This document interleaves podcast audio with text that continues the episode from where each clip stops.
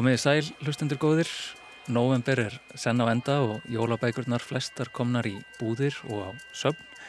Í þættidagsins ætlum við að veiða þrjár þeirra upp úr flóðinu og velta fyrir okkur þungarokki, lotturum og vörumerkjum. Þar á meðal vörumerki Rásar 1. Tilfinningar eru fyrir aumingja, nefnist önnur skaldsaga rituundarins Kamilu Einarstóttur. Bókin segir frá höllu sem á í sambandslitum og nennir ekki að hlusta lengur á vinahópin sinn ræða um stormjárn og pípulagnir og leggur því til að hópurinn stopni þungaróks hljómsveit. Við tökum Kamilu tali um bókina í þætti dagsins og heyrum jafnvel smá þungarók. Þau eru ófá vörumerkin sem Kristín Þorkelsdóttir hannaði en nú á dögunum kom út bók sem gefur ítarlegt yfirlitt yfir feril hennar og heitir einfallega Kristín Þorkelsdóttir. Jórun Seguradóttir ræðir við höfunda bókarinnar, það er Byrnu Geirfinnsdóttur, bókahönnuð og Bryndisi Björgunsdóttur, reithöfund og þjóðfræðing. Og að lokum hugum við svo að lottara líðan, en það er Að finnast maður ekki eins klár og aðrir halda að maður sé og óttast að það komist upp um hann. Þessi líðan er viðvarandi þrátt fyrir endurtekin árangur. Þetta var rithöndurinn Berglind Ósk en hún gaf nýverið út bókum þetta málefni sem samanstendur af smáprósum, örsögum og ljóðum. Berglind Ósk mun heimsækja okkur hérna á eftir og segja frá lótaraliðan. En við byrjum á tilfinningum. Tilfinningum fyrir aumingja. Við byrjum á þungarokki.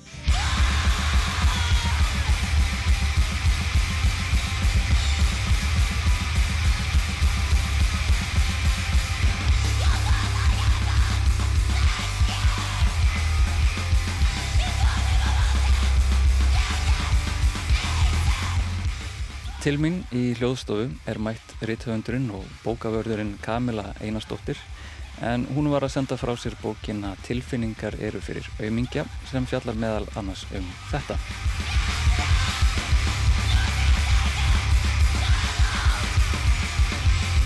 Einilega velkomin í Orðin Bækur, Kamila.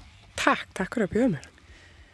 Kannski eitt smáadrið áður en við byrjum að ræða bókina. Já. Um, er búið að leggja dreinlagnir fyrir utan heima þér? Já, það þarf náttúrulega að taka þetta reglulega í gegn og svo gott, þú veist, þegar maður getur fundið endugreisluðuna og það er bara svo gott að bara vera búin að þessu og líka aðan maður byrja kannski að steina líka húsið og svona Mm. allt. Það er náttúrulega, maður vil ekki hafa mik- miklu skemmtir líka, Nei, þú veist, ef þú ert að fara að selja aftur og, og. Nei, og bara hafa þessa dreindúka í lægi, mér hefur alltaf finnst það svo mikilvægt. Já, já, og fyrstu góðan díl eða hjá verktaka? Já, og ég, en svo reynir ég náttúrulega mest að vera bara í þessu sjálf, það er svo gaman að fá að, þú veist, kynna sér þetta almennilega. Já, ok. Og tókstu það þátt í ferlinu? Og... Já, ég, og ég fer bara í klóaki sjálf og allt saman, sko. Já, hérna, ok. Það er náttúrulega alltaf erfitt að fá góðan pípara Já, en þegar maður næri í pípara sko, sem er eitthvað pútt í þá fer maður bara, tekur þetta allt. Bara, og svo gaman að fá líka svo myndavélur í lagninnar Já. það er bara eitthvað svona svo gaman að senda fólki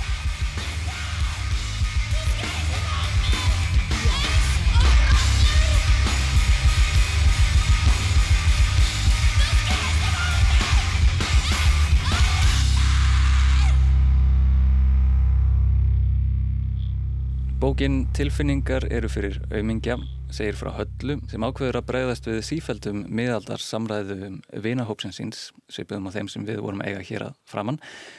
Og með því að stinga upp á því að hópurinn stopni metalband. Halla er að koma úr nokkuð einkennilegu ástarsambandi við Karl Mann sem vildi ekkert með skuldbindingar hafa, en tilneying hennar til að stopna metalhljómsveit virðist stafa af ástarskoti hennar til annars manns sem hún nefnir í gegnum bókina Metalmannin. Og Kamila, hlustar mikið á metaltónlist? Sko, um, já og nei. Mér finnst þetta mjög skemmt sko stundum, mér finnst mjög gaman að fara metal tónleika Mhm. það er svo mikil orka og gleði í þessu og það er eftir bara mörgum mjög sorglega við ástandi sem er búið að vera hérna í gangi. Er það svo ekki nógu margir tónleikar? Já, þetta er svo hrátt og, og tilfinningaþrungið og, og ég elska líka það er oft svo mikil sko gengi alla leiði, þú veist, mikið svona dýravernd og, og verið að hugsa um eitthvað svona stór mál og svona. Einmitt. Þetta er ekkert eitthvað svona enginn að pæli eitthvað samgöngubótum eða eitthvað. Nei, ég veit ekki hvað við poptólist við ætlum.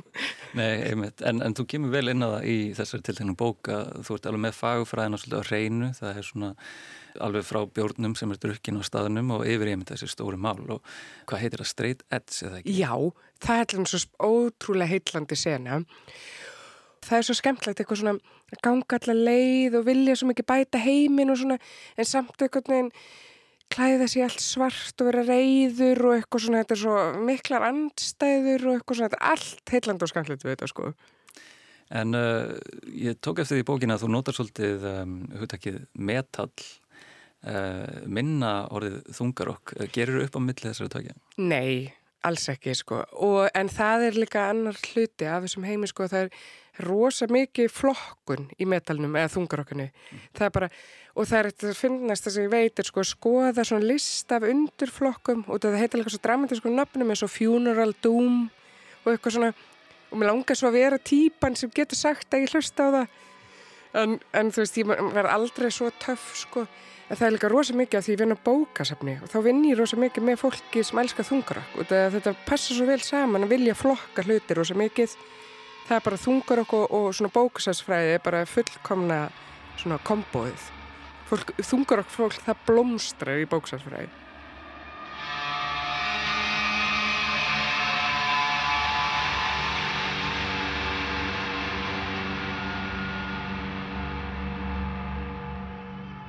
Personan Halla um, hún er á þessum tímamótum í lífisunu, það er mikið að gerast sambandslit en kannski annað samband í uppsiklingu, það er svona óljóst. Og síðan metalhljómsitt á prjónunum og mjög góð stúdja á ástarsambönd því þetta eru kannski ekki mjög funksjónal ástarsambönd sem koma fyrir bókinni uh, og það eru miklar umbreytingar líka í gangi hjá höllu. Og hún svona breytir sjálfur sér svolítið mikið eftir því hvaða manneskjum hún kynnist uh, eins og til dæmis á borðið metalmannin þá fylgir bara öll metalfagufræðin Hugsar þú mikið um svona þessar umskiptingar í ástarsamböndum? Já, og sko þegar ég byrjaði bókinn, það væri svo mikið hugsun sko, að mér langa að vera svona óður til vináttunar og eiginlega af því að sko vinátt að endist næst miklu lengur og getur bara verið miklu dýbri og betri fyrir okkar nástasambönd auðvitað myndatekningum og það getur verið svo fyndið og eftir skemmtilegt af því að þú veist þú veist, ok, þú deytaður eitthvað í þrjár vikur og það gekk ekki en eftir á bara veistu ótrúlega mikið óvart um, þú veist, prog-tónlist og eitthvað svona. Og það er aftur ógslag skemmtlegt og fyndið, en það er alltaf líka rosa vond, þú veist, þegar maður breytir sér alveg held ég, en já, mitt og eins og bendur á góðu sambandi, þú veist þar fólk kannski ekki alveg að leggja sér alveg til hlýðar, en við gerum það held ég oft, alveg ótrúlega, ótrúlega oft. Mm. en er alltaf endist alltaf ekki lengi. En þú ert þannig með uh, andstæðuna líka að það eru manneskina sem koma inn í hennar líf eh, metalmaðurinn og, og fyrfirandi þeir virast eiginlega bara ekkert hafa breytt sér. Þeir hafa viljað svolítið svona sitt líf mm. algjörlega óbreytt með að við höllu sem svona breyti sér í kringum þá og um, finnst þér þá kannski ástarsamband sem slíkt uh, ert að skoða þá hvernig það maður þarf að vera í einhverjum gagfæmum umskiptum veist, mér finnst, sko, samband sem ganga úslega vel og allir bara verða hafmyggusamir og stiðja hvern annan og svona, það er ekkert rosa skemmtilega sögur. Mm -hmm. Þú veist, það er rosa lítið fútt í því og er ekkert rosalega algengt. Þú veist, það gerist alveg, en þú veist, ég get talið á fingrum annan handar, þú veist, pör sem ég finnst verið góð og heilbrið samfaldi. Þannig ég held að, þú veist, já, það er bara miklu algengra og, já, og miklu fyndnara, þú veist, Þegar ég var að tala útgjöfundum minn um hvernig bókinu þetta verið, þá spurðan, þú veist, langar þetta sé fyndin bók eða sorgleg? Og þá fætti ég bara, mér finnst þetta tvent alltaf fara saman, af því það er bara ekkert ég að fyndið og vera á bömmir yfir ykkur fáralegu og eitthvað svona. Mm. En ykkur manneska sem er bara ótrúlega sátt í sjálfri sér og flokkar usli sitt og bara man alltaf eftir öllu fyrir skattun og þú veist, frábærst að þannig fólk sé til, en En það er ekki góðu karakt, eða ekkert það var spennandi að lesa um það, held Nei, ég. ja, þú veist, það, það heitla mig ekki. Nei. En ég væri mjög, þú veist, örgulega að lesa bókinni eitthvað nefnir að skrona. Mm. En þú ertu mitt svolítið flingi þessu að sagt, skrifa svolítið fyndinteksta uh, með svona mörgum atriðum sem maður svona kýmir við og, og, og hlæri að bælu upp á þegar maður að lesa. en inn á milli seittlar inn einmitt rosa mikil sorg og er, er þetta mikil kunst að koma þessu saman? Mér, mér finnst það ekki af því þú veist, mér finnst þetta alltaf að vera svo nátengt og þú veist, alveg svo líka engin myndin en lesa bara hundra síður og endalösa eimd og sjálfsvorkuna, eða ég veit það ekki minnst, þú veist, það verður að vera eitthvað létt að milli og líka bara eitthvað one-liner út í gegn verður kannski líka þreytt. En það er líka bara ekkert alveg reynd þú veist, ógæslega, eða þú veist, eða allt sorglegt. Menn hefur ekki lendið í ykkur ógæslega glötu og þú veist bara strax að leiða þetta, eða þú veist, eftir smá tíma verður þetta ógæslega góð saga. Mm -hmm og það er, já, það er bara uppáldið mitt, þannig moment. Þar sem maður fastir ykkur skítarugli og þarf að redda því og maður bölvar öllu. Svo bara eitthvað veit maður sem innst inni bara váka að vera gaman að segja frá þessu mm -hmm. eftir viku. En uh, tilfinningar eru fyrir auðmingja er vissulega í samræði við Kópáskróniku uh, sem kom út árið 2018 Báðar bækur fjalla miklu leiti um með ástafsambund sem eru kannski ekki alveg að kvæm Um, myndur þú flokka þessar bækur sem eins konar ættingja? Um, já, það er eiga náttúrulega eitt, eitt mjög stórt samilegt að ég hefi skrifað báðar og það verður mjög fyndið ef að næsta bókur er eins nema þá verður bara einhver kona í vandræðum í Sölfossi eða eitthvað, í ástar drama þar. Ég passaði mig samt að minnast á Katalínu í þessar bók. Mm -hmm. Það var viljandi, sko. En ég var ekki endilega að hugsa, sko, að þetta væri alvins karakterar en kannski ég bara svona one trick pony, bara þetta er alltaf eins í hug. En aftur að uh, tilfinningunum að þá uh, fannst mér ég líka að koma auð á kannski svona einhvers konar þverstaðu í bókinni. Að Halla er svona komið ógið að af þessari miðaldastemmingu í vinahofnum sínum og vil stofna þessu hljómsið til að brjóta upp uh, þetta talum dren og málingu en, uh, en síðan svona kannski í persónulega lífinu langar henni samt svo mikið að komast í stöðut ástasamband. Hún er hann að eldast við mann og sem leiðir samt óhjákvæmulega til þess að hún mun sitja með vinahofnum sínum og ræða um það sem er kannski spenn, mest spennandi í þessu svona mótlu kjanda ástasambandi sínu eh, sem er kannski drenlagnir og þakmáling um, Og mér langi að kannski spyrja í framhaldi sprettur þá metal hljómsveitar hugmyndin mögulega af einhvers konar öfund gagvart lífi vina sinna? Sko, það er náttúrulega klassist að við alltaf, þetta er súru vimbirinn, þú veist, það sem við getum ekki fengið þá bara ákveðið það sé alveg ógeðslega glatað og hallarslegt og eitthvað svona þó okkur langan þó í það. Mm. En þú veist, við, gerum, við erum alltaf í svo mjög mótsögn, við erum alltaf í svo mjög ruggli og það er svo gaman og það er svo fyndið og þetta með, þú veist, þegar festast þessu umræð, veist, þetta er tímabilhaldi sem allir landa eitthvað ný, þú veist, og bara frjóast og skemmtilegast af fólk, þú situr allir með því og þú veist, ég hef lendt í svona matabóðum, þar sem við erum bara, í staðan fyrir að fólk sé að tala um eitthvað ógeðslega skemmtilega list sem þau voru að kynna sér eða eitthvað spandi hjásáður sem þau voru að sofa hjá, þá erum við bara að tala um handfung á eldursinrætingu og bara þylljum nefn bara eitthvað, verður búin að segja Gustaf, já Gustaf í parki var að koma og komaði bara eitthvað, en þú veist þetta er sem bara tímabil sem það þarf að komast yfir.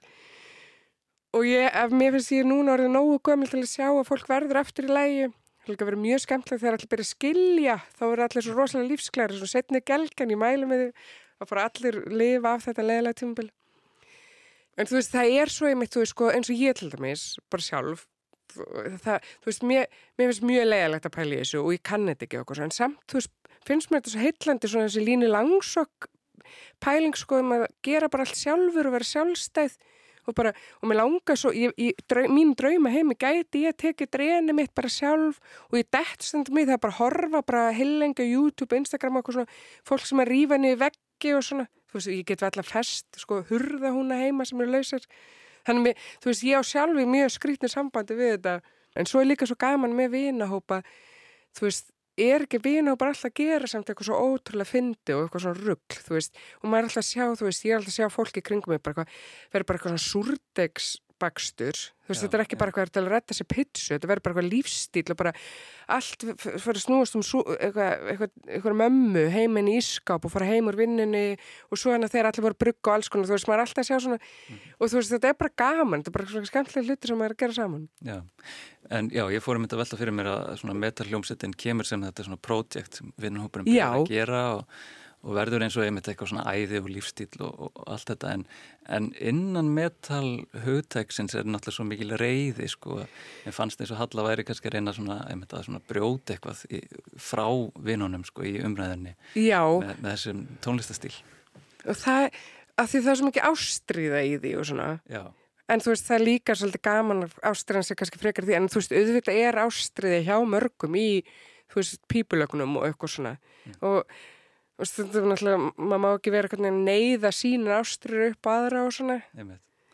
en stundum verðum að samt íta við fólkið En titill bókarinnar er, er líka einhvers konar uh, mótsund eða anstaða um, tilfinningar eru fyrir auðmingja er ekki bókum uh, sem, sem fjallar um lítið af tilfinningum eða eitthvað auðmingja sem þjáast af tilfinningum Nei, ymmit og hún er náttúrulega mjög mikið tilfinningum hana og, og allir í ruggli með það og eitthvað svona ja, það, mér var svo fyndin sko þetta sko, einmitt, þeir sem alveg að þú veist, þegar maður böglast með þessar tilfinningar, mann reyna svona hrista af sér eins og það sé eitthvað hægt mm -hmm.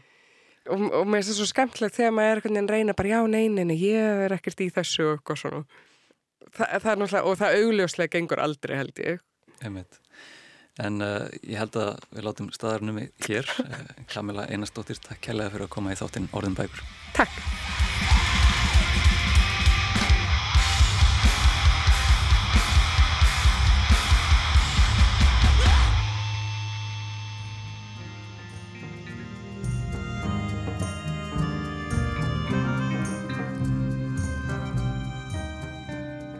Í vor sem leið, nánar tiltekið þann 20. mæ 2021, var í Hönnunasafni Íslands opnið yfirlitsýning yfir feril, mjög afkastamikils, fjölbreytilegs og frjós hönnuðar, Kristínar Þorkelsdóttur.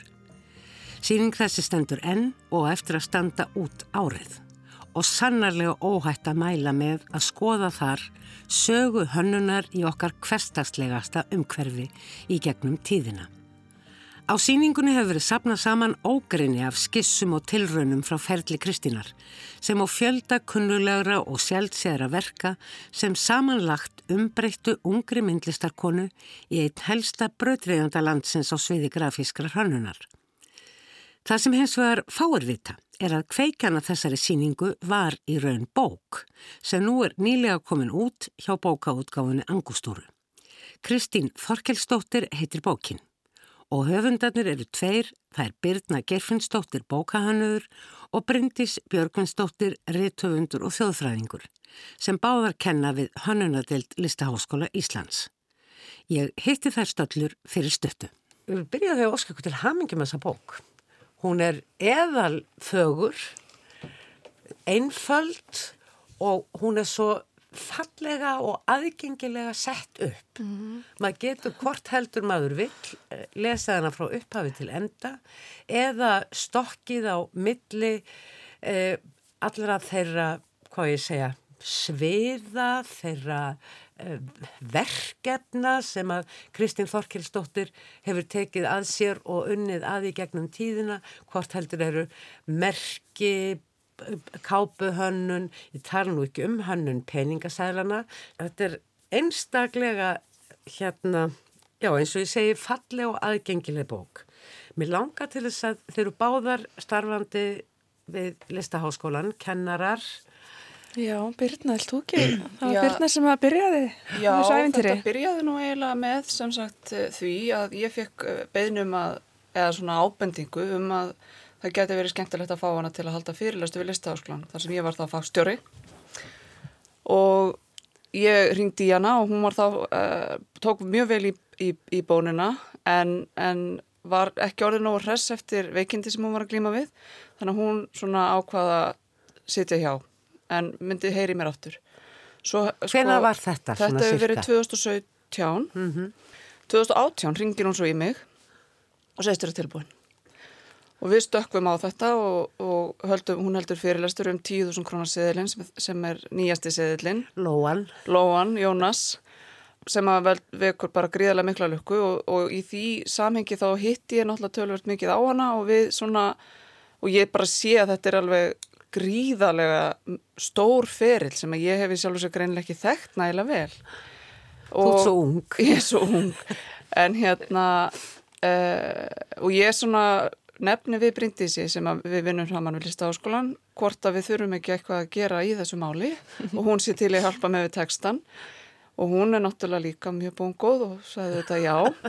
Á þess að hafa hugmyndin um hvað, hvað, hvað þessi ferill væri nú fjölbreyttur og, og gríðarlega umfásmikið sko. uh, þannig að þannig byrjar þetta í rauninni og það er í rauninni bókin sem er upphafið og hún er í rauninni handrit að síningunni Uh, ég við... sá síninguna fyrst og þegar þú segir þetta þá er það alveg fullkomlega lógist mm -hmm. því að síningin eins og hún er í minni mínu hún er í rauninni þrývít af þessari bók. Já, Já hún er það í rauninni.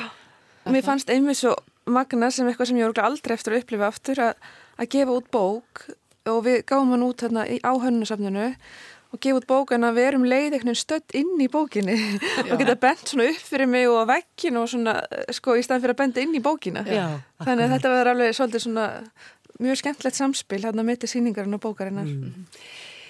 Næsta spurning þegar þeir voru nú komnar með þetta verkefni í fangið, bókina Já. fyrst eins og þú segir Birna Settið þið ykkur einhvert leiðarljós uh, hvernig þið ætluðu að nálgast þetta eða Hvernig byrjuðu þið? Mm. Sko ég myndi segja að leiðaljósi hafi kannski til að byrja með verið bara kortlækning á ferli Kristínar og að rannsóknarvinnan fólst í því að, að finna þetta efni sem að hún hafði... Finna bækurnar, finna já, bæklingana, auðlýsingar í blöðum og, og þetta var náttúrulega alveg svakalegt sko. Hún, hún sjálf náttúrulega hefur varðveitt ímislegt. Töluvert. Töluvert en alls ekki allt og, og við þurftum svona að kynna okkur svolítið hennar stíl og handbrað bara til þess að geta komið auga á þegar maður er að fletti gegnum gömul dagblöð frá 60 eitthvað, 70 eitthvað getur, þetta er Kristín, er það ekki? Og þá þarf maður að fara að bera það undir hennar sko mannst eftir að hafa gert þetta og, Ef það var ekki mert e, Já, og oft hún, eru auðlýsingarna mert. Já, oft eru, er efni líka mert henni eða auðlskustofinu auk. Og síðan líka sko að finna öll merkin sem hún hafi teiknað hún myndi ekkert sjálf eftir öll merkjanu, ég meina þau eru náttúrulega fjölmörg. Og hérna og við vorum alveg bara fram á síðasta dag bara áður en bókin fyrir prentun að finna nýja merki og eftir hún kemur út nema það að það komur ljósa og hún hannaði merki hérna rásar eitt. Þeir muni ringinir sem Já. er svona með stórir Já. það var til dæmis, hún myndi það nú bara daginn fyrir prent sko. Þannig, en, en þetta er sann svo merkilegt merki sem að mann svo vel eftir sko. Þannig við náðum að læða því inn í bókin að þótt að sé ekki á síningunni sko því hún var tilbúin þrejum mánuðum fyrr. Mm. Þannig þetta var, ég myndi segja kortlækningin og þessi sjónræni arfur eða, eða þetta sjónræni verk sem hún skilur eftir sig fengu að ráða för og eins og þú segir hérna áðan að þá hefur það líka áhrif út eitt bókarinnar mm. að það er sjónræni efni sem að ræður í rauninni hversu mikið að texta kemur þannig að sömum síðum er, er kannski bara lítill texti mm. en, en mikið af, af sjónrænu efni og, og við erum ekki að reyna að láta sko, við erum ekki að klessa sjónrænu efninu þannig að það fylgir textunum heldur fylgir textin sjónrænu efninu Já.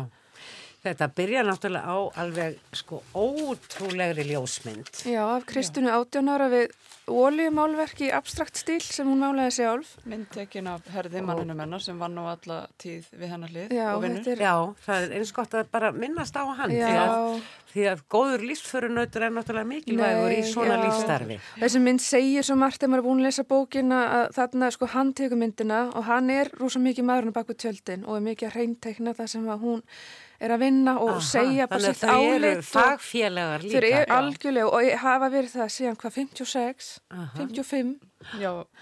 og hún Kristín 18 ára sko þarna á hún sér þann draum sem hún reyndar búin að tala um frá því hún er fjár ára að hún ætla sér að listmálari og myndlistamæður mm.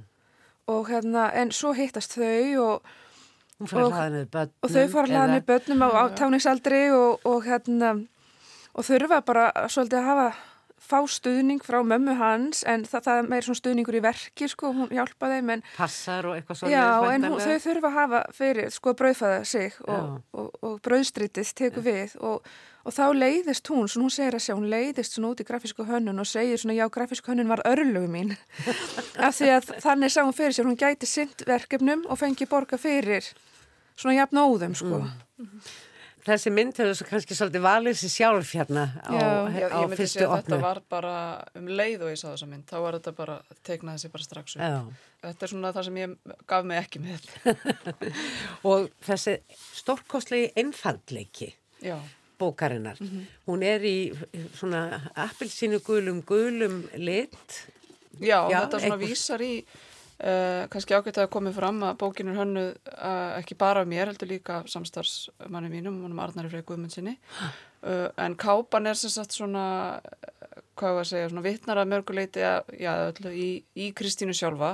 En hún var svona eitt af hennar ég veit ekki hvort það er að segja einkennum en eitt af því sem hún gerði gerðnan var að vinna með tvo liti Tvo og- og, og af því að það voru oft svona hömlur í framleiðslu þurfti að vera ódýrt og þess að það kannski kemur skýrast fram í, í ljóðabókaserju almenna bókafélagsins sem er nú svona eitt af hennar þekktari verkum. Já, en þar er hún að vinna með tvo sterka liti sem hún eh, leggur kvotnan á annan og þá myndast í rauninni þriði liturinn. Og það er svona, svona mild vísun í það á kápunni að því að forsíðan og baksíðan leggjast svo saman á kilinum já. og mynda svona blæbreyði af þeim lit. Af gulu og, og, og appelsínu rauðu. Hún er svona hvað skemmt, ég mæli með ef fólk á eintak að, að fara með henni í göngutúr svona í ljósaskiptunum, þá ertu svona eins og viti, Já, hún lýsir alveg, í, í, eiginlega, í svona ljósbyrstun eins og hún er akkurat núna. Já. En þessi saga um peningasælana á þessum tíma á síðari hluta 20. aldar þá eru jú peningasælar það sem að allir hafa milli handana. og, og þ- þetta er mikilvægt myndrænt uppeldi beinlínis. Hver er aðdraðandina af þessu að Kristín fer að gera þetta? Þykir hún þá þegar svona klári að gera eh, merki og, og, Já, og flott nefnt- form? Já, hún hefur nú nefnt það sjálf að, hana grunni að ástæðan sé þegar þau voru að vinna að 1100 ára uh, Afmæli Íslandsbyggðar. Að það hafi svona kannski Koparpenningnum. Já, Já, þá vann hún í að gera minnispenningin svona sem er frægur svona fyrir þá sem að mun eftir þessum tíma. Hanna grunnar að það sé svona ein af ástæðunum sé svo og þau hafi bara, ef það sé ekki svo vinna að þá sé það náttúrulega líka bara það að á það Vann hún þetta með Haldóri? Eða, peningin. Já, Nei, nei, hún nei. vann nei. hann með uh, hérna en þú segir alltaf þau? Það- Já, það er í þau, rauninni sko... þá er ég að tala um auðlýsingastofuna. Já, Já, ég skil. Þá voru hún, þau orðin mjög svona fræg Já. og áberandi bara, þau voru búin að vinna ímsar keppnir, hún og hörður og, og, svo, og svo stofan og stofan var á þessum tíma, þetta er 1974 sem að minnispenningurinn er gerður já, það fyrir- hátíðar hátíðin er. 74 en undirbúningur hefst og 71. þá eru þau svona orðin þá er kannski hægt að segja þessi orðin stóra auglýsingastofa. Þá eru þau með marga starfsmenn og þetta er orðið svona svolítið, svolítið batteri. Og þá eru þau þar að leiðandi orðin svolítið ábyrrandi og hana grunar að það sé svona eina af ástöðanum fyrir því að, að það sé leita til hennar. En Halldór Pétursson hafði en hann áttaði, átti upprunalega að gera hann, sælaröðina hann hafði sæla fram að því. Já, Já. en fjall frá skyndilega árið 1977 Já, og, og þá er leita til hennar. Og hún fær til liðs við sig snemma í ferlinu Stephen Ferbin eh, sem er starfsmæður á stofunni já. Hún flytur til Íslands 1970 Aha. frá Englandi og er búin að búa í sjö ár á Íslandi þegar hann er að hanna alla sæðlaru bara Íslands sem að starf sem að hefst hvað hjá honum 78 og endar 2013. Já, Þannig að mér finnst það mitt mjög áhugavert að þessi svona, ég veit ekki hvað kallar innflytjenda eða nýbúa eða hvað og, og, og, og sjálf þessi frjókun Já, að já. utan. Já, og, og sjálfmentaði hönnur en hún Kristinn sem að hanna alla sæðlana sko, mér finnst þetta rosalega áhugavert dúó þau voru teimi í Já. þessari vinnu bara frá fyrsta seðli til þess síðasta Já. eða tíðus krónu seðilsins Já, Eitthvað sem kom ykkur á óvart svona þegar hún var að segja ykkur frá svona þessari sæla hönnun. Já, flest. Já, Hún er ótrúlega merkileg og líka Kristín hefur talað um að, að þetta er svona eitt af þessum verkefnum sem að hún áttaði sig strax á að hún vissi ekki allt, þyrti með sér gott teimi og þyrti að afla sér upplýsinga hjá þeim sem að vissu betur um hinn, hinn og þessi mál og var ég alltaf í góðu samstarfi ef hún talaði við þjóðminnasafnið en það er náttúrulega langt mest af efniviðnum er þaðan Svona fengið mótífin mörg. já, Já. já. og, og svo náttúrulega bara þessi þetta frábæra samstarf sem hann hefur talað um í Stífin en þau unnu þetta uh, saman alla tíð Já, það var eiginlega skemmtilegast líka að sjá skissur frá peningasælunum Já, Það Já, Stífin það er búin að vera að handteikna rósettur og, og svo er margið þeirra gerðir fyrir tíma tölvunar. Þannig að það er svo ótrúlega margar skissur sem að hafa varðvist frá þeim seðlum sko áður en tölvan kom og glifti allar skissur bara. Þannig að það er ótrúlega gaman að sjá hvernig þau vinni þetta svona í, í lögum þar sem að svona eitt tekur við að öðru og kannski sérstaklega gaman að spá í ef einhver hefur áhuga á seðlunum að, að spá í letrið á framhlið að það er alltaf mismunandi seðl á milli, og vísar alltaf til þess tíma sem seðlinn hverfist um. Og eins og til dæmis á 5.000 krónunum að þá er svona útsumsletur af því þá er verið að vísa í Ragnæði og hennar Ragnæði Jónsdóttur. Þannig að þa- þá erum við komið svona útsumsleitur af því það er alltaf sko innblásið af, af manneskinu sem er á framhlið. Og hérna til dæmis á þúsunkallinum að þá er letur af fonti, skýrnafonti úr Skárhólskirkju, já það sem að Brynjólfur biskup var. Þannig að þá hafið fundið þarna letur sem var svona hæfir hans tíð og, og, og staðsetningu, staðsetningun og allt það. Þannig að það er rosa gaman að spá, finnst mér í, í það að allt á seðlunum vísar í raun til þess tíma sem manneskjan á framleið var uppi á. Þetta er svo útpælt. Já, þetta er það. En við höfum daldið talað um og, og, og flengst um feril Kristínar, þennan örlega feril sem grafiskur hannuður, en listamadurinn er þarna alltaf einhvers þar á bakvið og hefur náttúrulega mikil áhrif á það hversu flott hún verður sem grafiskur hannuður, ekki satt? Jú, ég myndi segja að það hafi- spili mjög stort hlutverk og við höfum nú oft verið spurðar og það kemur nú yfirleitt fram í leiðsögnunum svona hvar þessi myndlistamæður er mest áberandi í þessum, á þessum grafíska ferli og okkur hefur svona sínst að vera einna helst í bókakápunum og bókunum. Það er svona, sér maður einhvern veginn að hún hefur svona fengið að leika aðeins. sér aðeins, já, og Já. sprikla svolítið. Hún, Hún kallar að segja það sjálf, hún að fengja að sprikla við bókahönnun og þá er hún að meina, hún, hún fekk, þú veist, að nota þau verkfæri sem hún vildi. Pensilinn meira heldur Já, en- já, klessuliti og trilliti og klippimyndir og, og svo bjó, útbjóð hún sína eigin stimpla úr karteblum til þess að geta mynda form, svona endurtekin form. Maður sér svona, já, mikinn leik og tilruna gleðin verður mjög ábyrrandi í bókakápunum, segja.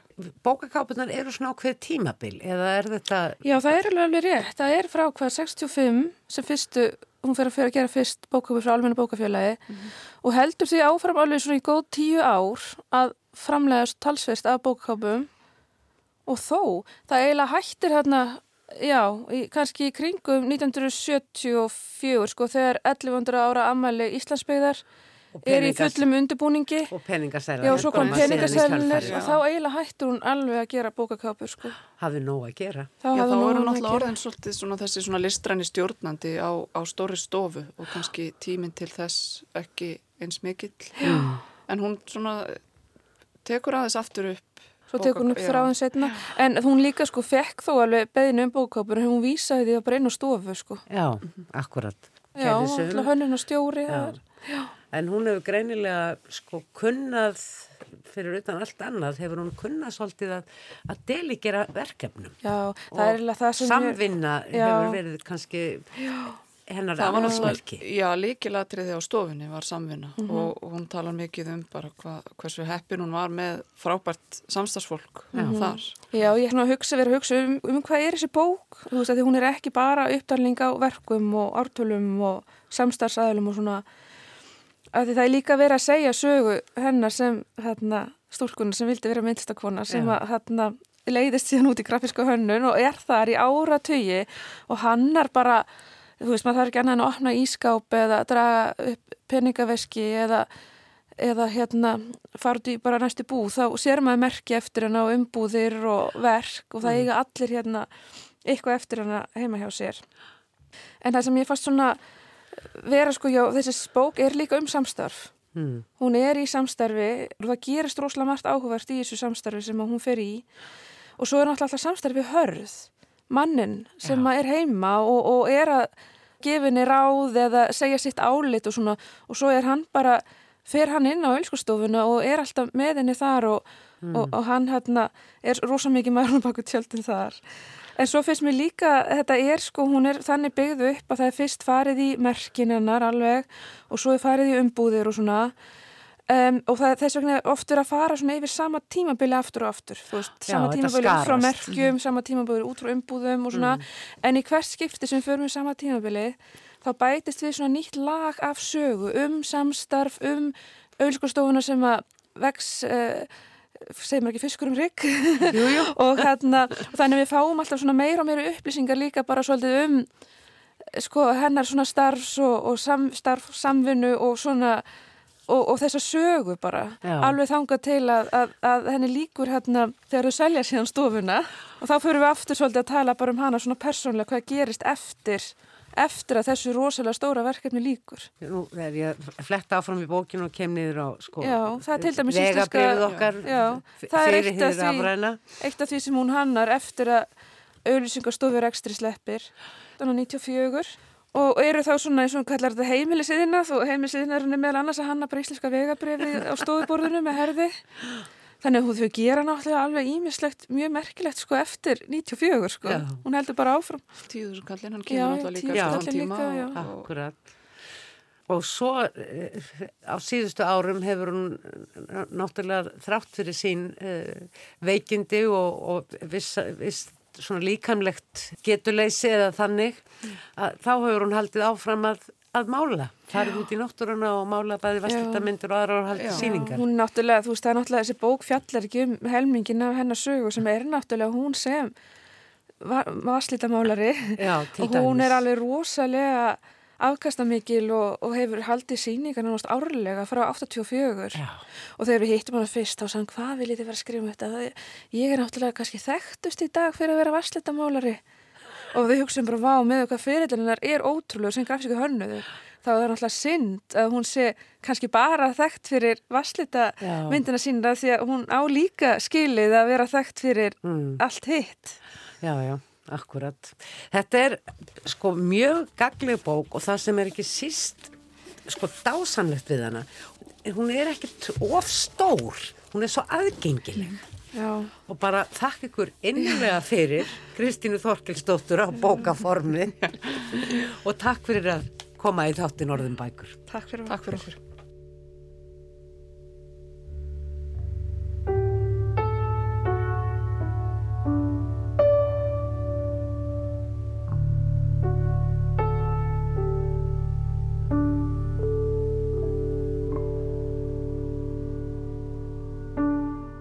Ég er 29 ára, nýkomin heim af ráðstöfni í San Francisco.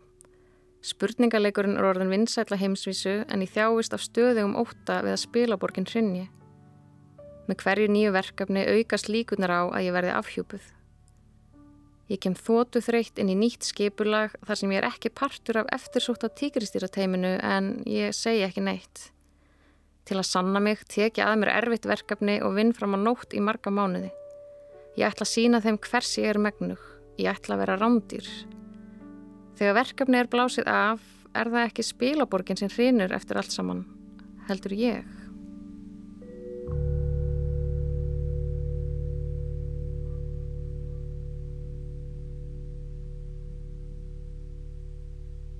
Hjá mér í hljóðstofu er sest reytöfundurinn Berglind Ósk en hún var að gefa út sína aðra ljóðabók nú á dögunum sem nefnist Lottara líðan og hverfist um þetta vandræða fyrirbæri sem Lottara líðan er.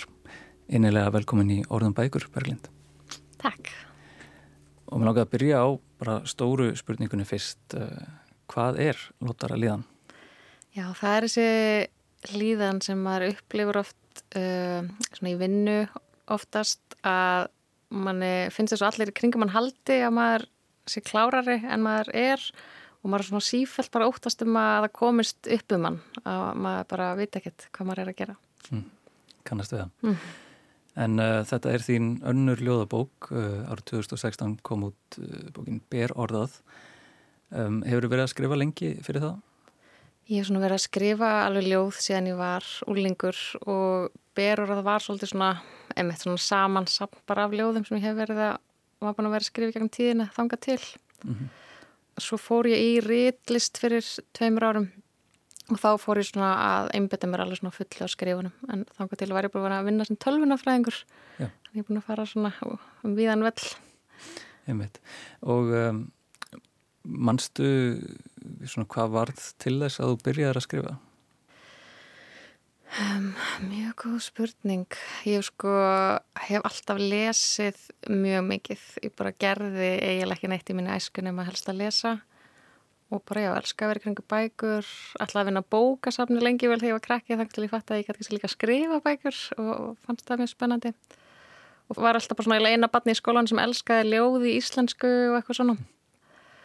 Já og svo fór ég að skrifa bara svona ljóð og lagateksta líka og ég er mikill svona Bob Dylan aðdæðandi og ég svona, var kannski svona lefði ég að mér að koma inn í ljóðin held ég, svona þeim tíma.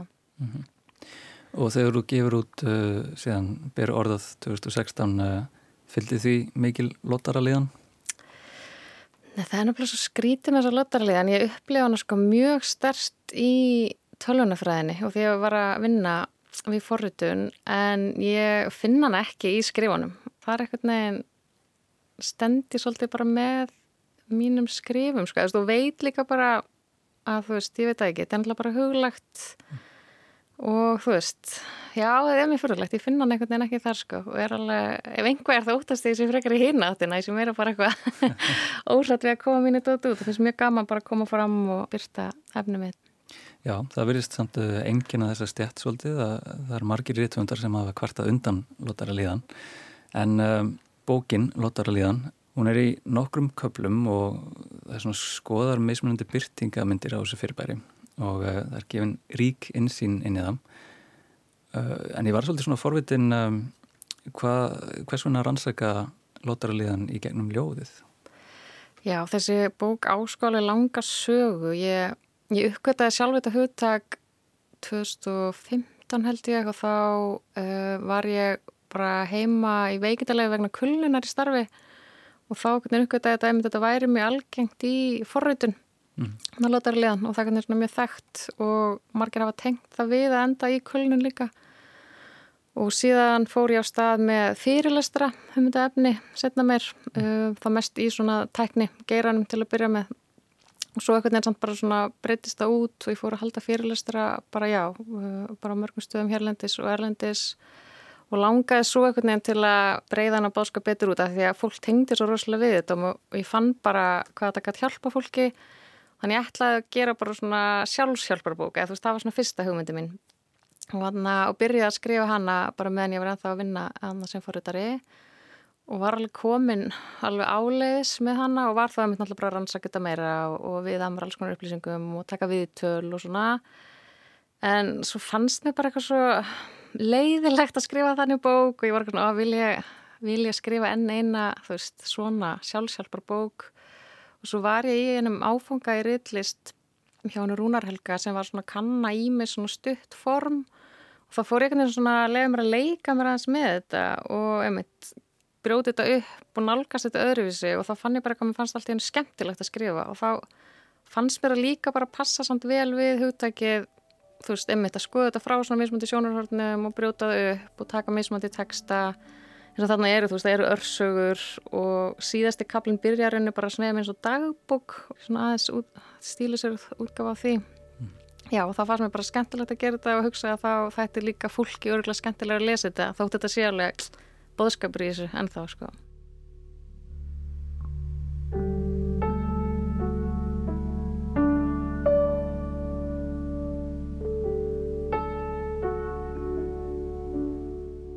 Áhyggjur.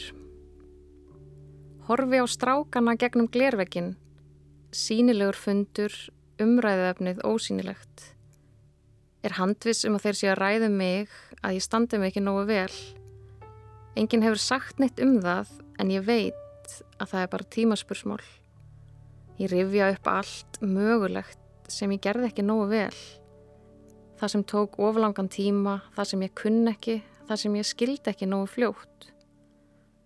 Þeir koma út og ég tek dýpsta andadráttin þann daginn, fer í viðbrastöðu, tilbúin að koma upp um mig.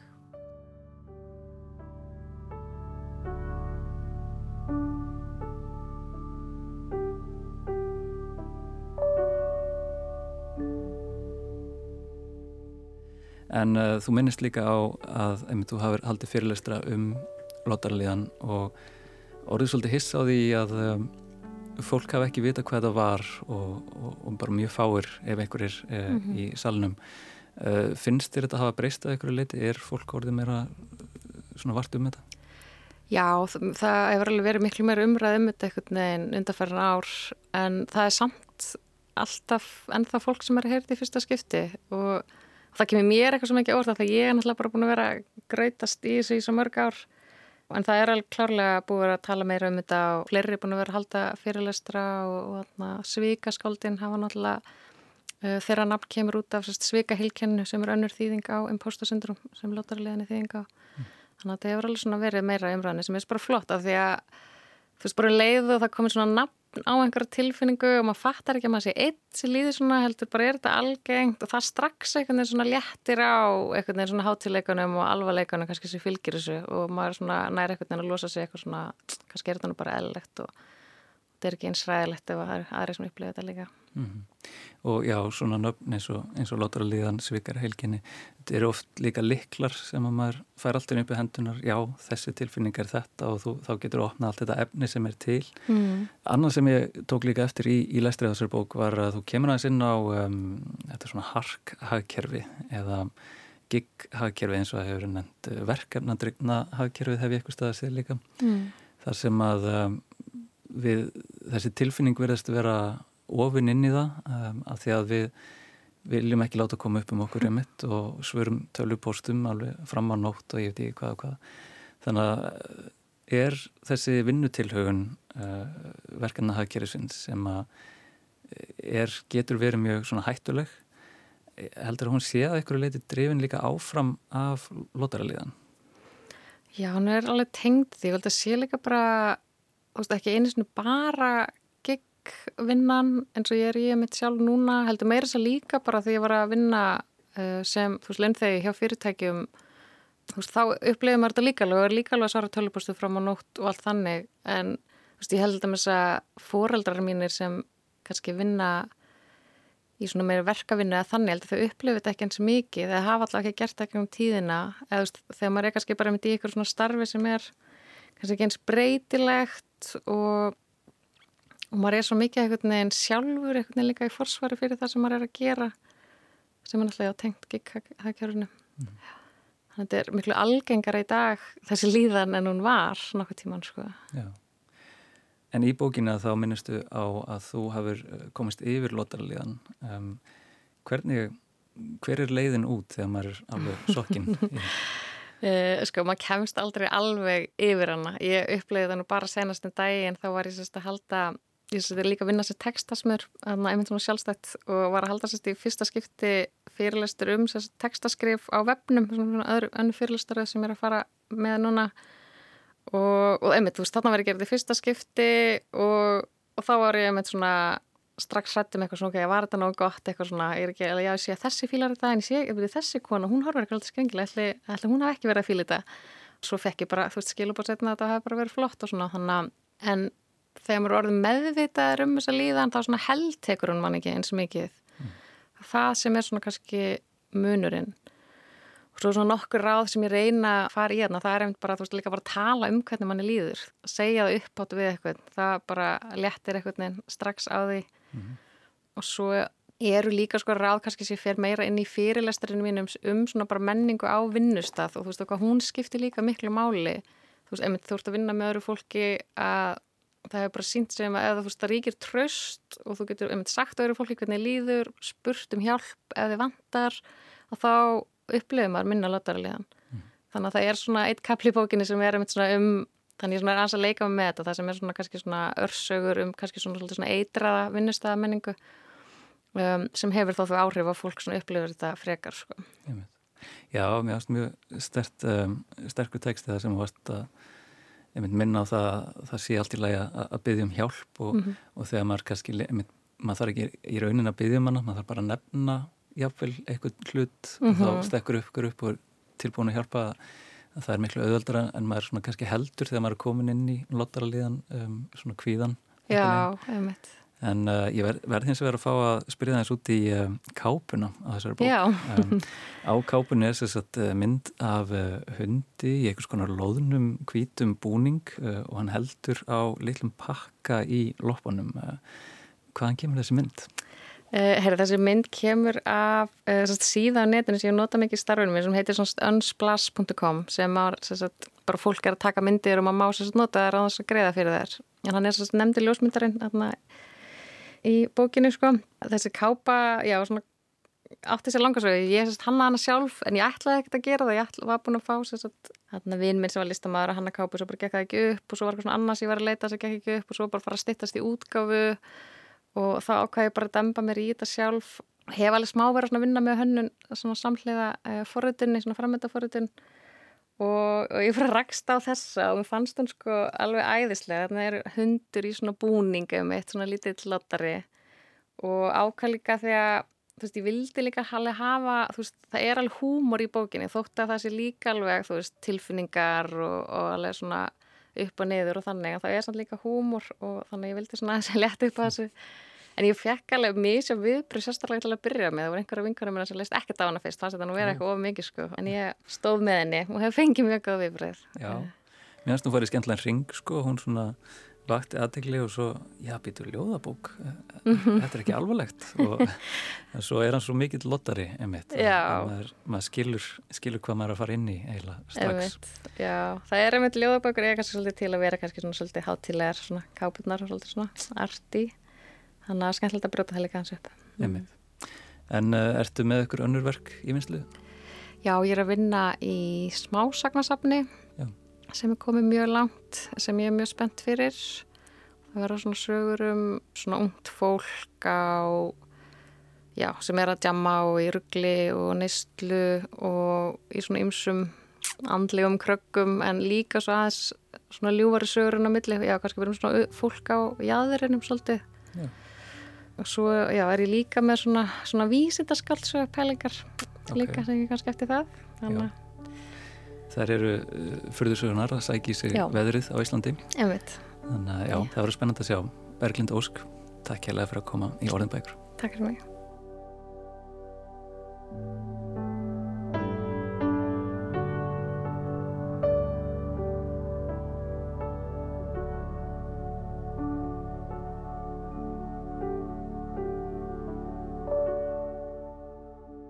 Endurgjöfin var talin sóun á tíma starfsfólks svo hún var lögð á hilluna þar sem hún ríkfjall og glemtist. En flökkusögurnar eru langlífar, sögur um tíma þar sem fólki var rósað og fekk vinsamlegar ábendingar um hvernig það gæti bætt sig. Tíma þar sem tortrygni og velræði þekktust ekki.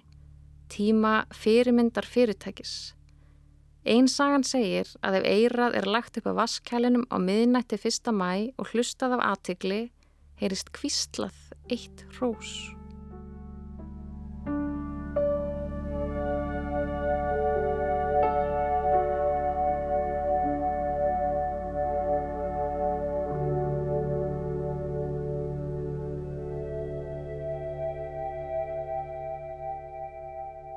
Orðum bækur verða ekki fleiri að þessu sinni. Við minnum á að þættina er hægt að hlusta á á vefsíðu RÚF, í spilaranum, í appinu og í öllum helstu hlaðvarpsveitum. Tæknumenn í þessum þætti voru Úlfildur Eisteinsdóttir og Markus Hjaldarsson. Við þökkum þeim fyrir gott hljóð. Takk fyrir að hlusta og verðið sæl.